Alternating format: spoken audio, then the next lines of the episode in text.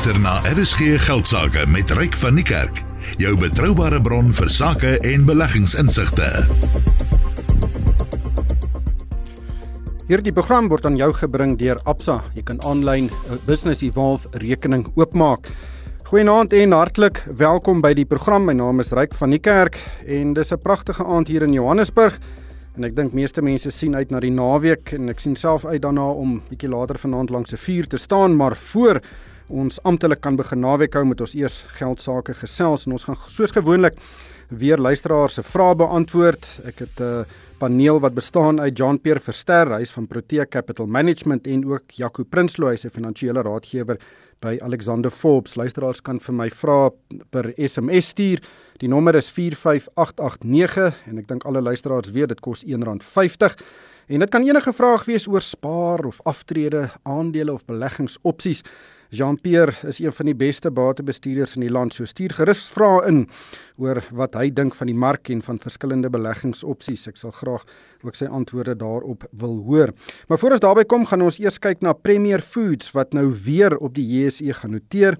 Die groep wou in November verlede jaar sy buiging op die JSE maak, maar uh, toe kom die pala pala gemors en die markte spring bokspring uh sodat niemand weet eintlik wat gaan gebeur nie. Die president wou bedank maar uh, toe het uh, premier gesê nee, hulle gaan nie met die notering voort nie of eerder breed die uh, eienaar van uh, Premier Foods.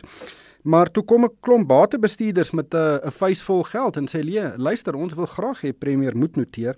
En nou gaan dit weer voort. So ek gaan met Kobus Gertenbach, die uitvoerende hoof van Premier gesels.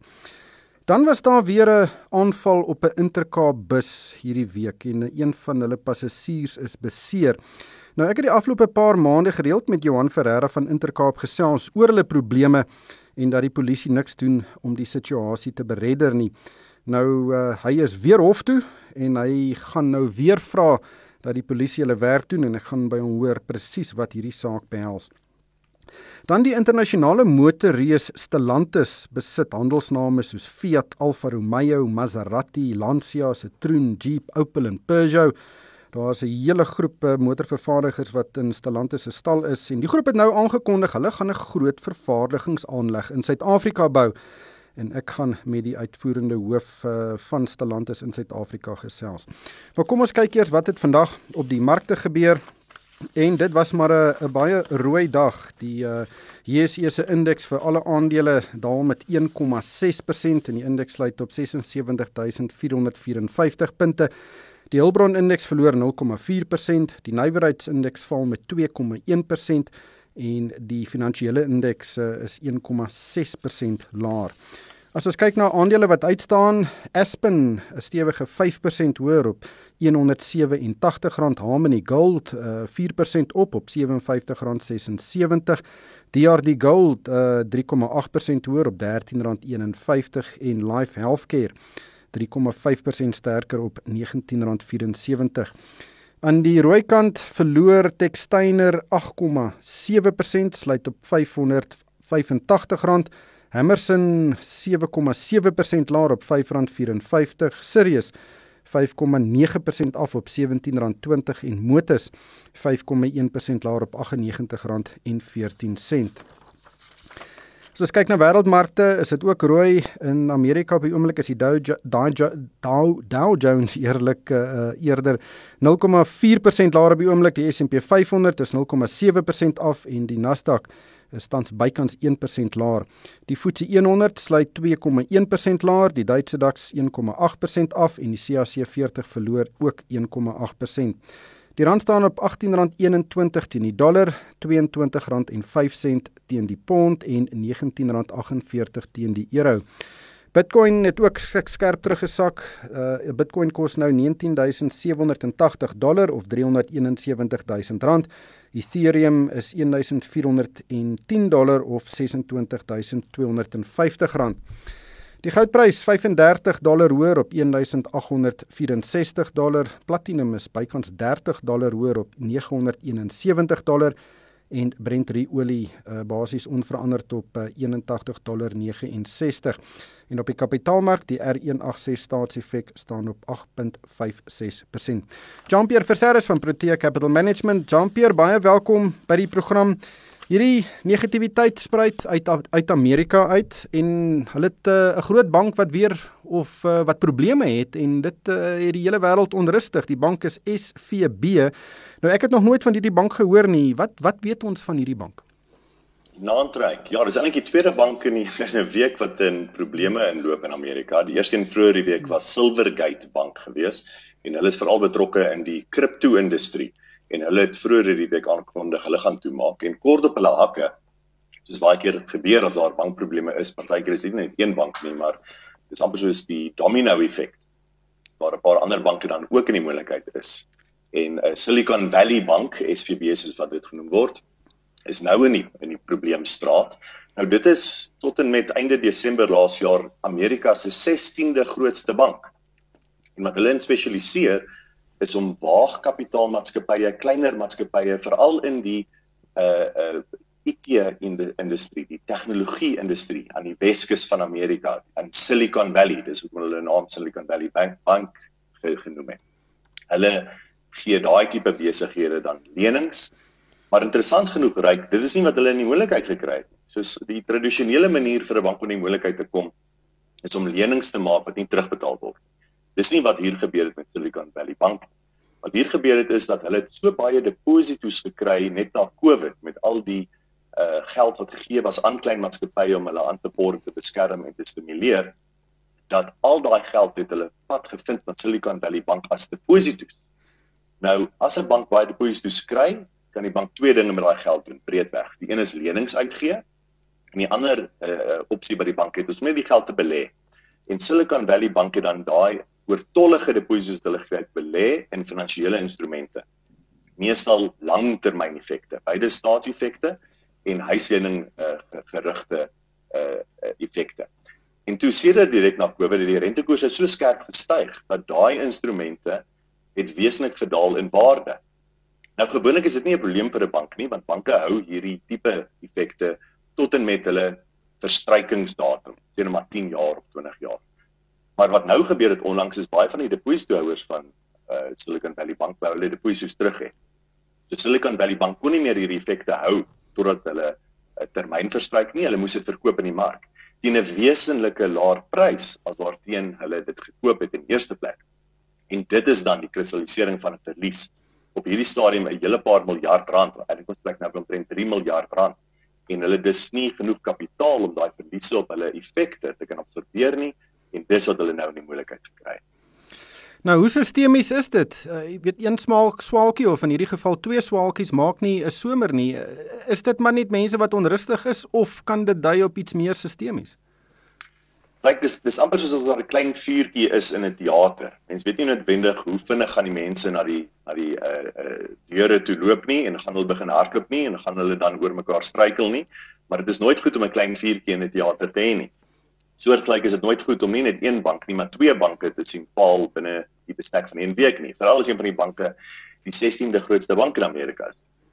So mense kan nie noodwendig sê dit gaan nie stop nie. Mense kan ook nie noodwendig sê dit gaan aangaan en dat ander banke ook geaffekteer gaan word nie, want dit gaan oor die menslike siege van hoe bang gaan mense met hulle eie bank raak en gaan hulle dan hulle eie deposito wil onttrek. Op hierdie stadium lyk dit asof die regulateurs wel gaan instaan omdat die 16de grootste bank nie 'n bank is wat mens gewoonlik kan net laat val nie, veral nie as die depositohouers 'n klomp klein besighede is nie. So ons sal seker eers volgende week presies sien hoe hierdie uitspel lyk, maar ek sou hoop dat daar nie 'n derde bank gaan wees nie en dat daar nou in die eh, eh, in die sand 'n lyn getrek word sodat Silicon Valley Bank die laaste een is van die afgelope week wat gaan val in Amerika. 16de grootste bank. Weet jy hoeveel banke daar in in Amerika is? Was 'n paar honderd, daar was 'n paar duisend gewees en oor die jare het hulle almal gemeer.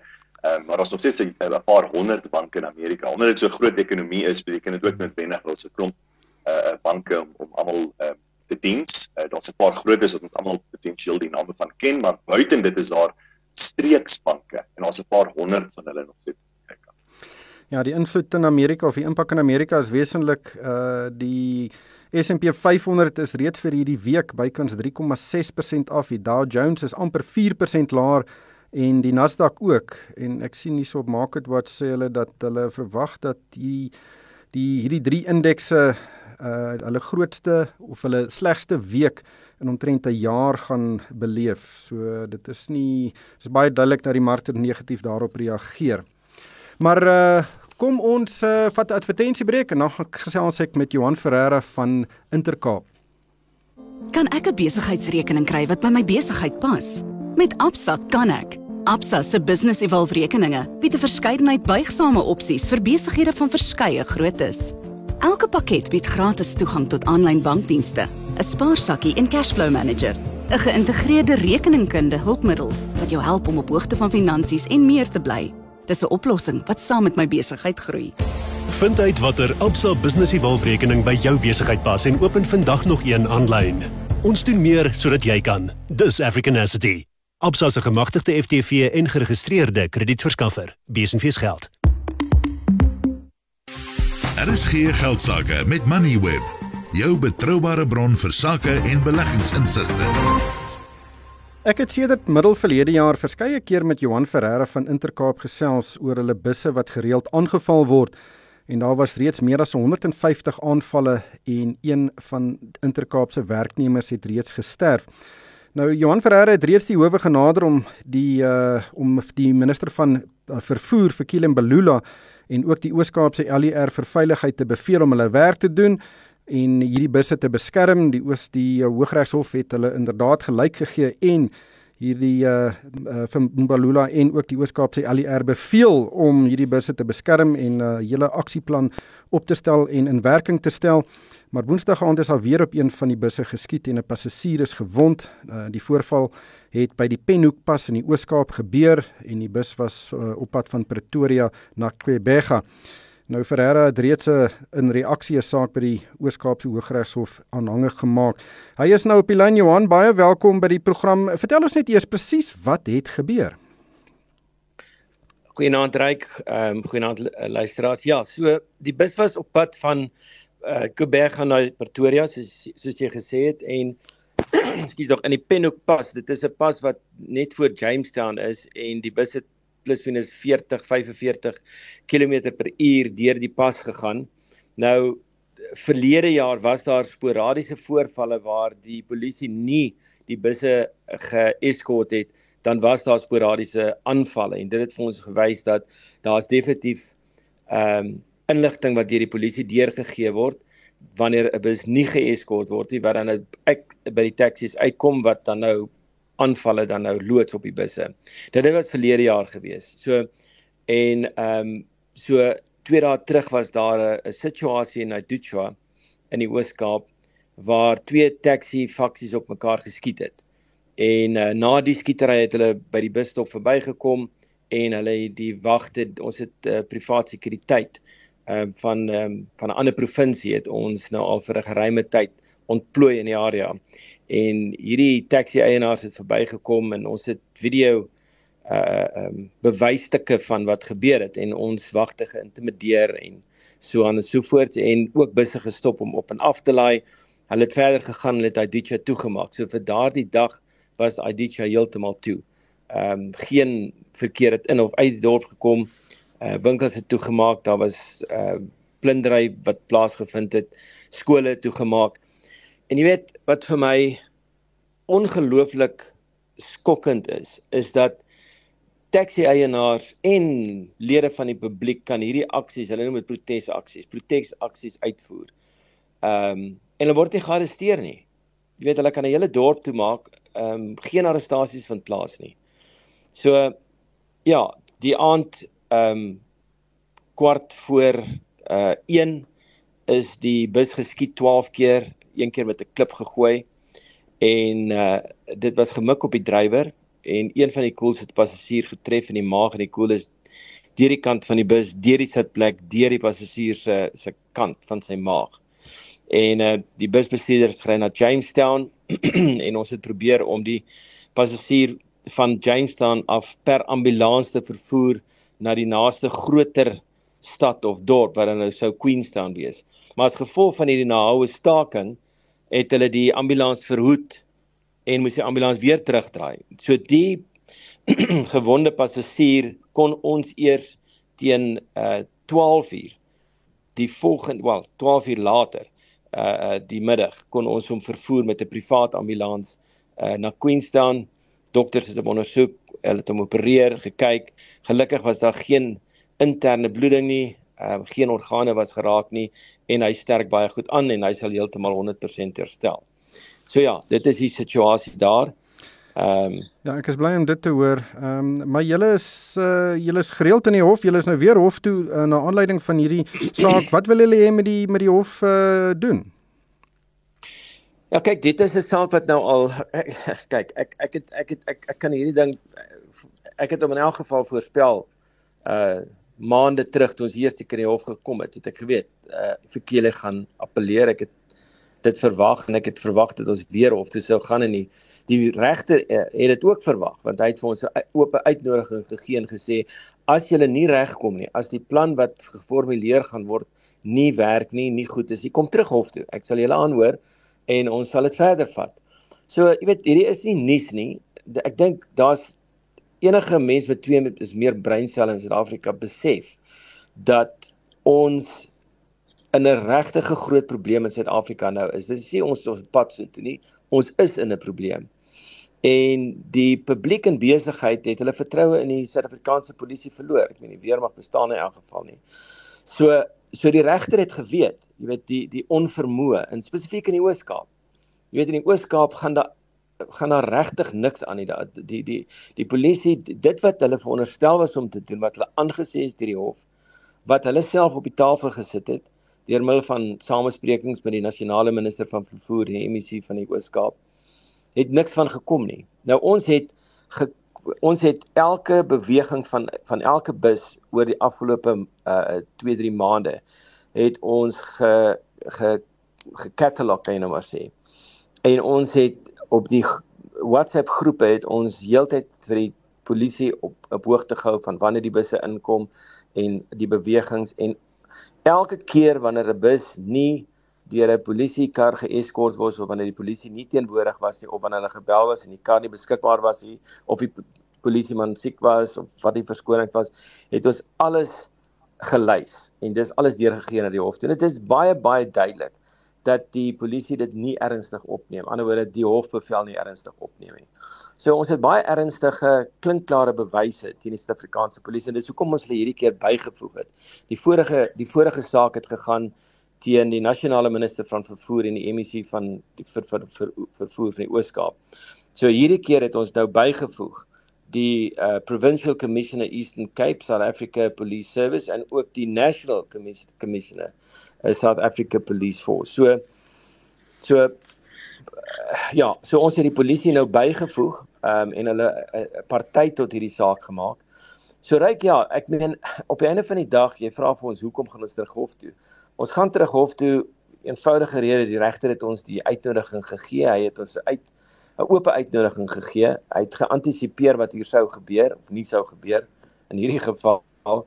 En ehm um, ons het dit ook geweet, maar ons het die polisie uh, en die die die die MEC van die Weskaap en ook die nasionale minister van vervoer die geleentheid gegee om hulle self te bewys.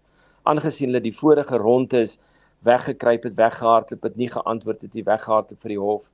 Ehm um, en die hof frustreer en die belastingbetalers se geld gemors. So so ja, so ons het vat hulle terug en ons gaan nie ophou nie. Jy weet, ehm um, ons gaan nie ophou totdat ons die Ooskaap veilig kry vir ons passasiers nie.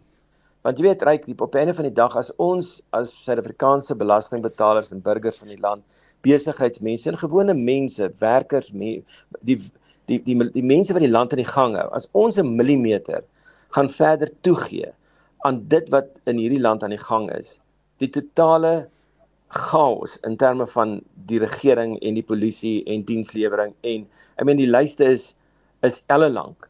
Jy weet, dan um, moet ons nie huil as ons op 'n plek gaan land wat ons nie meer in hierdie land kan bly nie. Dan moet ons weet ons was party tot dit want ons niks gedoen nie.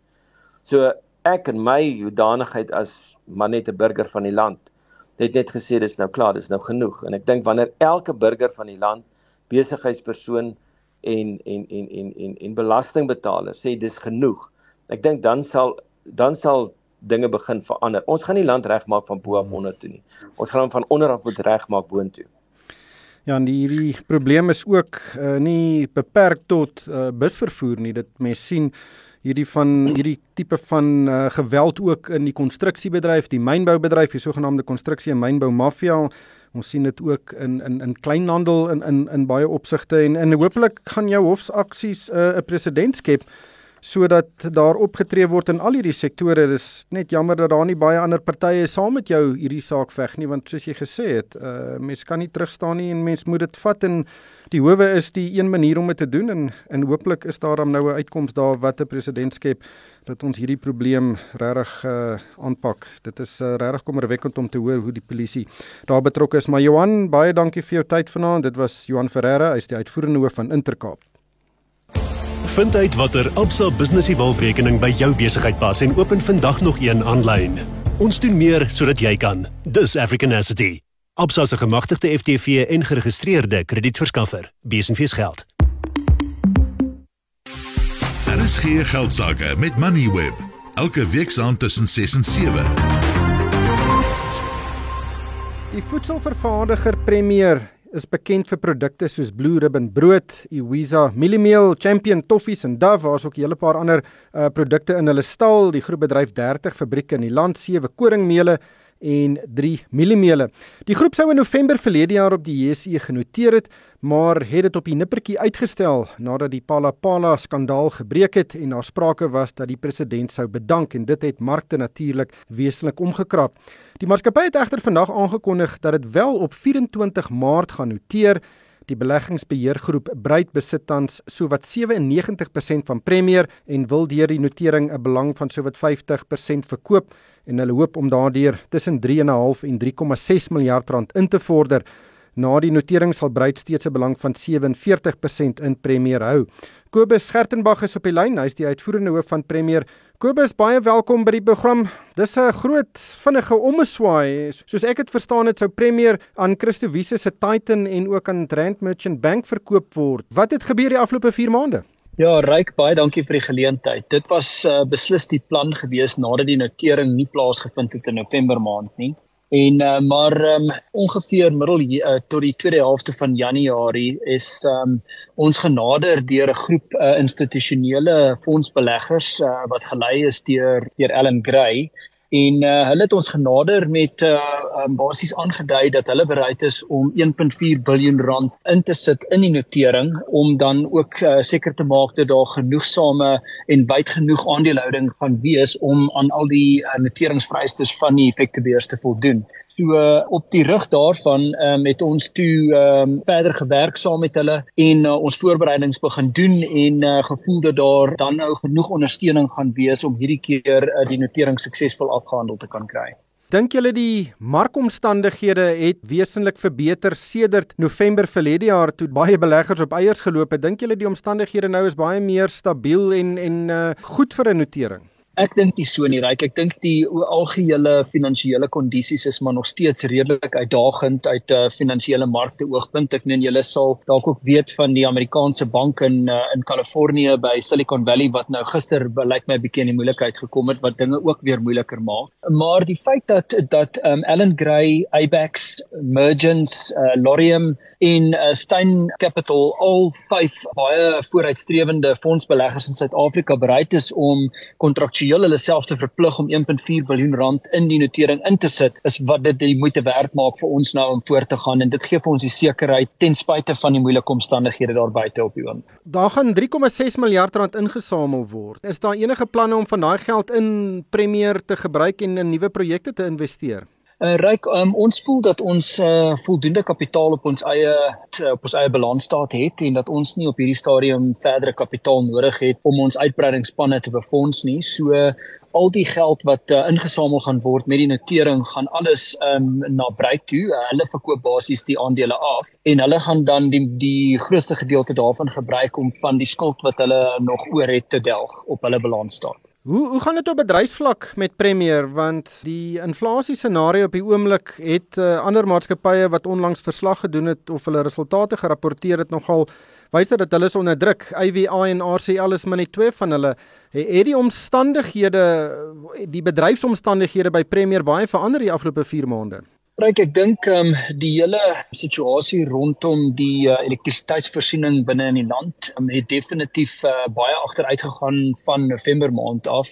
Dit maak dit baie moeilik in 'n vervaardigingssektor om uh, jou fabrieke ten volle te kan uh, opereer. Ehm um, ons gebruik ons maak baie gebruik van uh, van dieselkragopwekkers om ons uh, elektrisiteit te voorsien aan ons bakkerye tydens tydens die load shedding en, en so Gevolglik uh, kos dit ons maar net 'n hele klomp geld om uh, om ten volle te kan aan die aan die gang bly. Op hierdie stadium gebruik ons so tussen 3 en 5 miljoen rand se diesel per maand om ons bakkerye te opereer.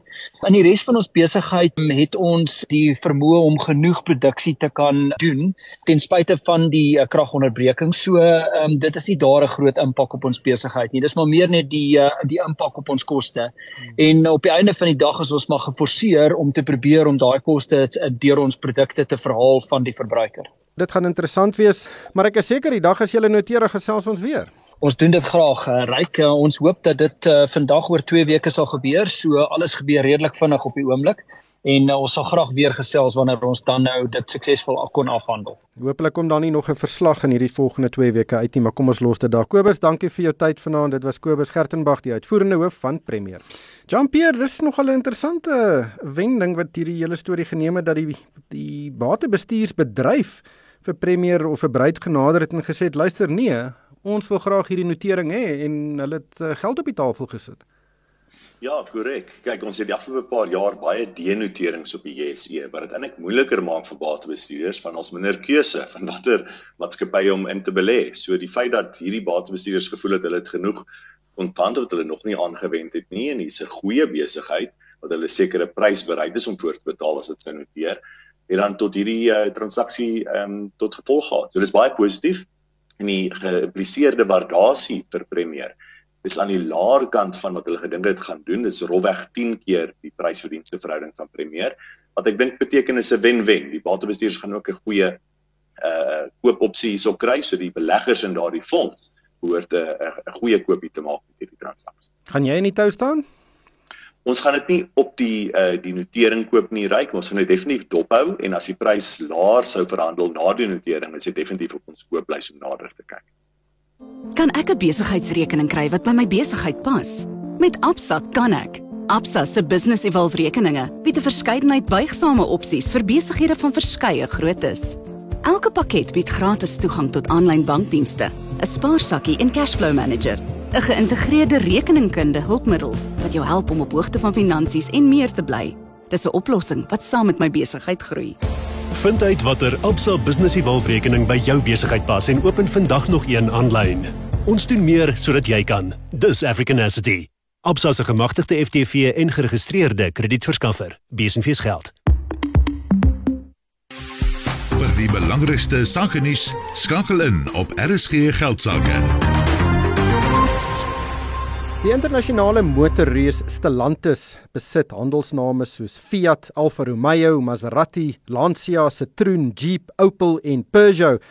En die groep het vervaardigingsaanlegte in bykans 30 lande reg oor die wêreld en dit doen ook sake in 130 markte. Die groep het pas aangekondig dat dit 'n vervaardigingsaanleg in Suid-Afrika wil bou en het reeds 'n ooreenkoms met die Nywerheidsontwikkelingskoöperasie en die Departement van Handel en Nywerheid geteken. Leslie Ramsumar is die besturende direkteur van Stellantis in Suid-Afrika. Leslie, thank you so much for your time tonight. This is a big announcement. You want to build a big factory in South Africa. What exactly are your plans? Yeah, so so Rick, we, we belong to the Middle East Africa region of Stellantis, and uh, our region has an ambition to sell one million cars in the region by 2030, and uh, we'd like to source 70% of those cars inside the region. And currently, we have plants in in Morocco and in Turkey; those are major plants, and South Africa makes sense to be, you know, the southern bookend of of this manufacturing opportunity uh, to supply the region, hence the plant in South Africa. So, where do you plan to build this plant and how big will it be? So, uh, you know, proximity to a port is important uh, because you have components in and then cars out because we also plan to export cars, as I explained. Uh, so we haven't finalized the exact location, but it will be one of the port cities that already has automotive base. So either Durban or Port Elizabeth are the, the cities that we're considering at the moment. In terms of the size of the plant, of course, it, it you know, it's determined by what the export uh, opportunity is or export demand. But our initial uh, plans are that the plant over a 10 year life cycle would be anywhere between two and 300,000 cars. South Africa offers very attractive incentives for the automotive industry to manufacture vehicles in our country, especially for the export market. Did this play a role in your decision to build a factory or the plant here? Yeah, I think as I mentioned, you know, we, we, were looking for, for an additional facility. So Stellantis initially made the decision to produce in South Africa, and then we collaborated with the DTIC and, and the IDC for the South African uh, operation. Uh, yes, it's a collaboration, uh, and they've been willing to participate with us. So I don't think it was there was any arm arm twisting done. It was mutually agreed. Which vehicles do you plan to manufacture here? So we haven't decided the final model yet, uh, but you know when you when it comes to automotive manufacturing, the simpler uh, or the less diversity you have, the better. So it will be one of three models that are in consideration. We will start with one model, still to be determined and then potentially in the long term expand to maybe two or three later. How significant will the investment in this uh, plant be? Rick, it's difficult for me to put a number on it at uh, at this point. Uh, the business case is still being uh, finalized, so as soon as we have some uh, some details, uh, we'll share that. But as you can imagine, it it runs into hundreds of millions to put up a facility of of the stature to to deliver those volumes. And what are the timeframes for this venture? When do you foresee the first vehicles rolling off the production line? So the plan we have now, uh, Rek, is to complete the facility by uh, the end of 2025, and we should see the first cars roll off the line very early in 2026. Of course, it depends on many variables, uh, but that's the planned timeline for now. I'm sure you are aware of the electricity supply problems we have in South Africa. Is that a constraint, or do you plan to build your own infrastructure to uh, generate your own electricity? Yeah, of course. I mean, it, it cannot go uh, uh unnoticed. I mean, uh, it is a challenge for, for South Africans. Uh, we expect that the situation will improve by the time we start to to uh, commence operations. but we do have some backup plans. So if we don't see any any improvement in the electricity situation, uh, we have some other alternatives to consider, but it may it it may delay uh, the commencement, but you know I don't think it would risk the project. You've previously said that you have a plant in Morocco. Did you consider any other African markets before deciding on South Africa? Rick, we have small SKD operations in other markets uh, uh, like Kenya, uh, Nigeria, Tunisia. Uh, but Morocco, uh, Turkey, and South Africa would you know, would represent the large, what we call CKD operations, which would be uh, fully built units and not just assembled units. Well, this will be a significant foreign direct investment, which will create jobs, is exactly what we need. Were you surprised at how well it was received? I won't use the words surprised. I mean, eh, you know, as a South African, you welcome any any good news and any investment. Uh, so I won't say surprised. No, uh, not at all. Uh, the response is what we expected. We expected a warm welcome from uh, from South Africans. Of course, in any country you get some naysayers, but uh, you know Stellantis is forward thinking, and uh, we're an optimistic company. We're not fair weather sailors, so uh, you know when we make a decision, it's with a lot of thought. So you know we're quite optimistic about about what the country has to offer, despite all of the challenges that we face. our outlook is positive. We have a very developed automotive manufacturing industry in South Africa. And one of the regulations that apply to those manufacturers is that they need to source a significant amount of local content. Will that apply to you too? Yeah, absolutely, Rick. I mean, uh, it's our intention to localize as much as we possibly can. Uh, firstly, to support the South African economy, and and you know, of course, from a business point of view, the more you source locally, the less uh, cost you have in terms of importing uh, components, uh, lo- especially in terms of logistics. So our intention is to have the highest possible localization rate in whatever we decide to manufacture here. Leslie, thank you so much for your time tonight. That was Leslie Ramsumar, he's the MD of Stellantis in South Africa. Vind uit watter Absa Business Evolve-rekening by jou besigheid pas en open vandag nog een aanlyn. Ons doen meer sodat jy kan. Dis Africanacity. Absa se gemagtigde FTV en geregistreerde kredietverskaffer. Besenfees geld. Nou gaan ons uh, luisteraars se vrae beantwoord. My paneel is Jean-Pierre Verster van Protea Capital Management en ook Jaco Prinsloo, hy se finansiële raadgewer by Alexander Forbes. Luisteraars kan nog 'n SMS met 'n vraag stuur. Die nommer is 45889. Dit kos R1.50. Jaco, welkom by die program. Ek het 'n hele paar vrae oor uitreaniteite. Ehm um, uh, Johan Estreisen van die Parel vra uh, hy sê ek is nou 33 jaar oud en dra by tot 'n uitreaniteit. Maar hy sê hy weet net nie hoe of hy genoeg bydra nie. Hy wil graag weet hoe kan hy bepaal wat die waarde daarvan met aftrede gaan wees? Is daar 'n manier om dit te bepaal? Ryk, dis iets wat raadgewers daagliks doen. En die goeie nuus vir Johan is dat dit nie so ingewikkeld is nie. So hy behoort ook op sy eie te kan doen. En daar is om of of om sy toekomstige waarde te bereken, is daar 'n paar dinge wat hy moet doen. Eerstens sal hy sy aftrede sy huidige aftreespaarbalans moet bepaal. Dit sal alles insluit soos sy uitreuniteite, sy pensioenfonde, voorsorgfonde, bewaringsfonde, alles wat hy geoogmerk het vir aftrede. Hy gaan ook moet bepaal wat elke jaar kan bydra. So sy sê sy bydra van sy salaris en ook 'n paar rand wat elke maand wegsit na sy aftreespaargeld toe. En dan gaan hy ook moet bepaal wat is die beraamde opbrengskoers. Nou niemand wil die toekoms inhou nie, maar hy kan maar kyk na historiese markopbrengste om hom min of meer 'n riglyn te gee. Nou hang of vir oud Johannes, hy seker heel gemoontlik in 'n gebalanseerde fonds. Hy is 33 jaar oud.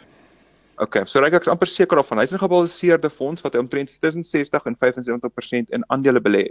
So hy kan kyk na so opbrengste van seker so 10% min of meer. Dis 'n konservatiewe ehm um, vooruitskatting vir daai opbrengste.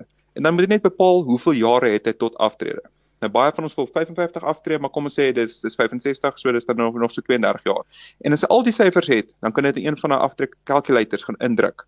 Ehm um, daar is een op Alex Forbes se My Money Matters webwerf en met daai sommetjie kan dit dan uitwerk wat 'n toekomstige aftreespaarplan. Maar is ook net belangrik om gedagte te hou dat dit slegs 'n skatting is en die werklike resultate sal verskil op grond van baie veranderinge en marktoestande wat ons nie eens vandag aan kan dink nie. Is daardie goed akkuraat? Dit gaan afhang van watse aannames jy gebruik. So as die toekoms presies uitspeel soos die aannames wat jy gebruik het. Jou salaris gaan elke jaar op met 5%, die mark groei elke jaar met 10% klokslag, dan sal dit natuurlik akkuraat wees. Maar ons weet nie met toekoms nou nie so wat die beste wat mens kan doen en uh, die beste wat mens kan doen is my aannames maak wat konservatief is en dan hopelik is die toekoms bietjie beter. So die eindresultaat lyk ook dan beter. Jean Pierre, uh 'n vraagie van oom Frikkie en hy sê hoe of hy vra hoe werk 'n feeder fund? Uh, nou ek weet nie wat 'n feeder fund in Afrikaans is nie. Ek ons het vir bietjie voor die program daaroor gesels 'n voerfonds of 'n deurvloei fonds of 'n geleierfonds. Maar hoe werk hierdie fondse want jy belê in rand, maar dit is 'n totaal en alle buitelandse belegging. Uh, kan jy daar help? Ja, so Suid-Afrika het nog 'n uh, buitelandse valuta beheer maatreëls. Wat beteken dat mens kan nie net uh, noodwendig jou geld in die buiteland uh, belê nie. Jy kan nie net geld oorplaas sonder om byvoorbeeld uh, 'n uh, belastingklaring te kry van SARS nie. Wat jou bank vir jou sal vra om geld mee oor te plaas aan die buiteland toe nie. So as gevolg daarvan het baie batebestuurders dan fondse opgerig wat gedomisileer is in Suid-Afrika. Hulle word geag om plaaslike fondse te wees. Maar binne in die fonds hou hulle net een bate. En dit is 'n belang van 'n buitelandse fonds. So dit is 'n manier om mense rande te gelei of te voer na buitelandse fonds toe deur die Suid-Afrikaanse voerfonds of geleierfonds. En mense kan dus in rande belê sonder enige uh, uh verklaringe aan die belastinggader, sonder enige goedkeurings en jou bank wat jou enige vrae vra, sonder 'n buitelandse bankrekening en die die rande wat jy dan binne daai fonds sit sal deur die fondsbestuurder van daai fonds, die maatskappy wat betrokke is daar, omgeskakel word in die buitelandse geldeenheid of dit nou dollars of ponde of euros is en daai buitelandse fonds koop binne in die voerfonds of geleierfonds en so kan jy as 'n randbelegger dan in wese buitelandse blootstelling kry. Belangrik genoeg, jy kan nooit jou belegging verkoop en direk die dollars of ponde of euros kry nie. Dit gaan dan weer terugkom in rande en as jy dan jou belegging dan vergelde maak in die voerfonds of leierfonds, gaan jy weer rande kry na jou Suid-Afrikaanse bankrekening. En dan kan jy dit onmiddellik uitvat as jy nou dit wil en en die nodige ehm um, uh goedkeurings het uh om dit te doen. Maar voerfonds klink vir my eerder iets wat 'n boer het, uh veral as jy daar in die Karoo is. Ehm um, maar Jaco uh, nog 'n anoniem sê hy het uh, of sy het 'n kontrak gekry in Dubai en daar's dollar uitroeptekens. Ehm um, maar nou vra die persoon, moet ek aanhou om my uitreaniteit in Suid-Afrika te betaal of moet ek met 'n hele nuwe spaarplan in die buiteland in Dubai begin? Ja, dis 'n baie goeie vraag en 'n vraag wat ons meer en meer kry. Ehm um, so as jy oorsee gaan werk, is dit oor die algemeen 'n goeie idee om aan te hou tot jy afterspaargeld by te dra. Veral as jy van plan is om terug in jou eie land af te tree. En deur voort te gaan om tot by jou afterspaargeld by te dra terwyl jy oor see werk, sal jy die momentum behou wat jy nou deur al die jare opgebou het. En jou ook help om jou afterspaar afterspaar doelwitte te, te bereik, want op een of ander stadium gaan jy iewers moet aftree. En deur by te dra want ons almal weet deur by te dra na uitreintydte toe pensioenfonds toe kry jy belastingvoordele. So dit kan ook heel moontlik jou belastingaanspreeklikheid verminder as jy nog steeds in Suid-Afrika moet belasting betaal. Want al werk op 'n kontrak oor see in Suid-Afrika word op jou wêreldwye inkomste belas. So is 'n moontlikheid dat jy nog steeds kan ehm um, ehm um, steeds die belasting ehm um, vrystellings kan geniet in Suid-Afrika terwyl jy oor see werk. En laastens saamgestelde rente, as jy aanhou spaar, jou geld gaan net vinniger groei, gaan vinniger wees vir jou om jou afterspaargeld ehm um, of jou afterspaar doelwitte te bereik. Maar dit gesê is dit ook belangrik om net enige belasting implikasies en bydrae tot jou afterspaargelde te oorweeg terwyl jy oor see werk en ook moontlike beperkings tot die aftreerekeninge wat jy kan maak. So sekere uh, limite tot wat jy kan bydra. So dit is eintlik nuttig wees om met 'n finansiële adviseur of 'n belastingkundige te konsulteer voordat jy hierdie besluit te maak. Ja, en dis ook nie die een of die ander nie. Mens kan dalk albei gelyk doen en so diversifiseer, verder diversifiseer. Dan John Pierre, hier is 'n baie interessante ene ook van anoniem. Ek sou eintlik graag wou geweet het wie eh, wie dit geskryf het, maar die persoon sê ek het in 2009 'n duur kunswerk vir 150 000 rand gekoop. Die persoon sê uh, hy of sy het nou die geld nodig, maar hulle kry dit nie verkoop nie. Uh, nie eers vir 80 000 rand nie. En uh, die persoon sê mense moet versigtig wees en nie verkoopsmense glo as dit by beleggings kom nie.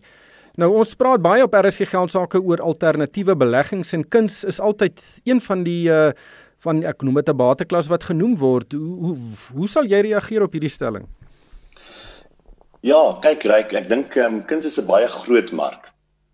Mense kry alles van skilderkuns dan beeldende kuns en omdat dit so 'n groot mark is, gaan daar groot verskil wees is tussen die bes presterende bates in daardie bateklas en die swaks presterende bates. So as 'n mens 'n pierneef gekoop het reg 'n klomp jare terug, dan sou mens nou 10 teen 1 'n wonderlike opbrengs gedoen het. Maar as jy jou buurman se skildery gekoop het, miskien nou minder so. En uh dit is wat mense nou nie weet nie wanneer jy daai kunste koop of dit nou 'n pierneef gaan wees of 'n buurman kunststuk gaan wees oor die volgende 10 of 20 jaar. En dit is dan ook hoekom kuns gesien word as 'n alternatiewe belegging, ook 'n baie illiquiete belegging en 'n belegging wat dus 'n baie groot verskil in opbrengs kan lewer tussen 'n baie goeie opbrengs en 'n baie slegter opbrengs. So persoonlik ry ek sou net kuns koop vir die visuele waarde waaruit wat ek daaruit kry. As mens hou van die kunststuk, sit dit in jou muur, laat jou goed voel as jy daarna kyk. Maar jou primêre doel behoort nie te wees om 'n kunststuk te koop vir 'n opbrengs nie. Jy is omdat jy nie gaan weet of daai kunstig oor 10 of 20 jaar so gewaardeer gaan word deur ander sodat jy dit waardeer nie en of die prys dis wesentlik gaan toeneem. Ja, ek dink die punt is ook jy moet weet wat jy koop. Uh jy moet die navorsing doen. Jy stap moenie net by die naaste galery instap en dan die verkoopspersoon glo nie want dit is soos om vir 'n haarkapper te vra of jy haarskeer nodig het. en uh maar ja, doen jou huiswerk, maak seker jy koop nie 'n uh, 'n gat in die sak nie. Ehm um, Jaco Pine uit die Kaap vra, uh, ek is 'n pensionaris met 'n aansienlike opgelope bedrag in 'n lewende anniteit. Ek het twee werkende kinders met redelike hoë verdienste. Wat sal die belastingimplikasies vir die kinders wees ten opsigte van die lewende anniteit as ek sou sterf? So point dit sal afhang van wat hulle met die opbrengste van jou lewensanniteit wil doen. So eerstens vorm daai lewensanniteit nie deel van jou boedel nie. Dit gaan direk aan jou begunstigdes betaal word. So in die geval direk aan jou jou seuns. Die begunstigdes kan dan kies of hulle die geld, die opbrengste wil vat as kontant, wil hulle voortgaan met 'n inkomste soos wat jy ontvang het of wil hulle gedeelte vat in kontant en 'n gedeelte omskakel in inkomste. En nou moet ons onderskry, enige bedrag wat gevat word as kontant gaan belas word teen 'n aftreebelasting tabelle in jou naam. So paai net gaan gebaseer wees op wat jy gedoen het in die verlede. Dis daai tabelle wat die 500 000 belastingvry is. Dis nou 550. So hulle kan moontlik tot en met 36% belasting betaal op enige gedeelte wat as kontant gevat word.